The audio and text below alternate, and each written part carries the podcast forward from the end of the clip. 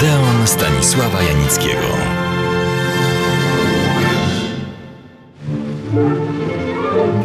Dzisiaj ostatni rozdział opowieści o wojennych i związanych z II wojną światową losach Nory Ney, jednej z najbardziej fascynujących i utalentowanych aktorek naszego przedwojennego filmu. W poprzednich felietonach opowiedziałem o jej drodze do sławy, potem o trudnych latach wojennych, a dziś o podobnie trudnych latach pobytu po wojnie w Stanach Zjednoczonych Ameryki Północnej. Dla wielu Polaków była to prawdziwa ziemia obiecana, ale często okazywało się, że nie wszyscy potrafili dostosować się do panujących tu stosunków, zwyczajów, praw i obowiązków. Również Nora Ney przybyła tu z córką i przyrodnią siostrą Lidią. Miały jednak szczęście, bo zaraz otrzymały wprawdzie małe, ale do wyłącznej dyspozycji mieszkanie w Nowym Jorku. Nora nie szukała kontaktów z tutejszą Polonią, musiała więc korzystać z pomocy organizacji żydowskich. Otrzymała propozycję grania w którymś z nowojorskich teatrów żydowskich, ale warunek był jeden – musi nauczyć się jidysz, bo w tym języku wystawiane były tu sztuki. Podjęła próbę, ale nauka dwóch języków naraz przerastało jej możliwości. Zaprzyjaźniona z nią Rosjanka załatwiła jej pracę w fabryce produkującej lalki. Jej zadaniem było umieszczanie szklanych oczu w głowach lalek. Siostra przyrodnia Nory, Lidia, wyszła za mąż, za biznesmena, który zajmował się handlem nieruchomościami. Chętnie wspierał finansowo Norę i córkę Joannę. Dzięki temu zaczęły nawet bywać na sztukach wystawianych na Broadwayu. Ale po pewnym czasie musiały się przeprowadzić do skromniejszego mieszkania, też zresztą w Nowym Jorku. Nora Ney desperacko postanowiła odnowić stosunki ze swym, formalnie rzecz biorąc, ciągle mężem Józefem Frydem, który pracował jako producent filmowy w Rzymie przy realizacji w Europie ze względów podatkowych superprodukcji hollywoodzkich. Zabiegi odzyskania męża niestety nie powiodły się.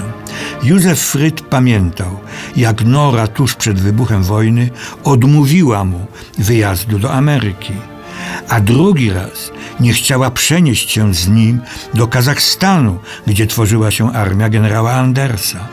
Łatwo się domyśleć, że czuł głęboki żal do żony. W końcu ostatecznie się rozwiedli. Ale on wspomagał finansowo zarówno swą, wtedy już byłą żonę, jak i córkę. W 1950 roku Nora Ney wyszła powtórnie za mąż za Eugena Browna, lekarza pracującego w nowojorskich szpitalach. Cytuję książkę Grzegorza Rogowskiego i Michała Pieńkowskiego skazane na zapomnienie polskie aktorki filmowe na emigracji. Mąż był jednak bardzo neurotyczny i nie traktował Nory dobrze. Wiele razy przez niego płakała. Małżeństwo wkrótce dobiegło końca. Nora znalazła pracę jako pomoc domowa w Karolinie Północnej. Prowadziła tam dom wdowcowi, który mieszkał wraz z małym synem. Nora nieustannie szukała nowej pracy. Wkrótce została zatrudniona w Sinclair Oil w Nowym Jorku oraz Hayden Chemical Corporation jako archiwistka. Była tak dobra, że awansowała na stanowisko kierowniczki archiwum. Jak wspomina córka, lubiła pomagać ludziom, była bardzo empatyczna i kompetentna, nie miała uprzedzeń, była tolerancyjna, była bardzo lubiana. Jej życiu zawodowym nic poważnego się nie wydarzyło. Natomiast w osobistym, tak. Poznała bowiem, jak wspomina córka, Leona Friedlanda, czarującego wdowca, rosyjskiego Żyda z Sankt Petersburga, który opuścił Rosję w 1917 roku. Pobrali się. To było czwarte jej małżeństwo. Była w końcu szczęśliwa. Jednak nie na długo. Nora Ney nie przepadała za dużymi miastami. Zamieszkali więc wspólnie w Kalifornii. Nie przelewało się. On miał tylko emeryturę. Nora prowadziła dom. Po pewnym czasie ciężko zachorowała. Na skutek wylewu krwi do mózgu w dramatyczny sposób zaczęła tracić pamięć. Oboje znaleźli się w domu opieki i tu przeżyli najtragiczniejsze chwile.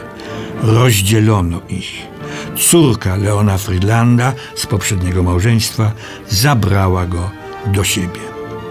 21 lutego 2003 roku odeszła Nora Ney, jedna z najoryginalniejszych, najbardziej utalentowanych aktorek polskich. Życie jej niczego nie oszczędziło, a nam pozostały jej filmy.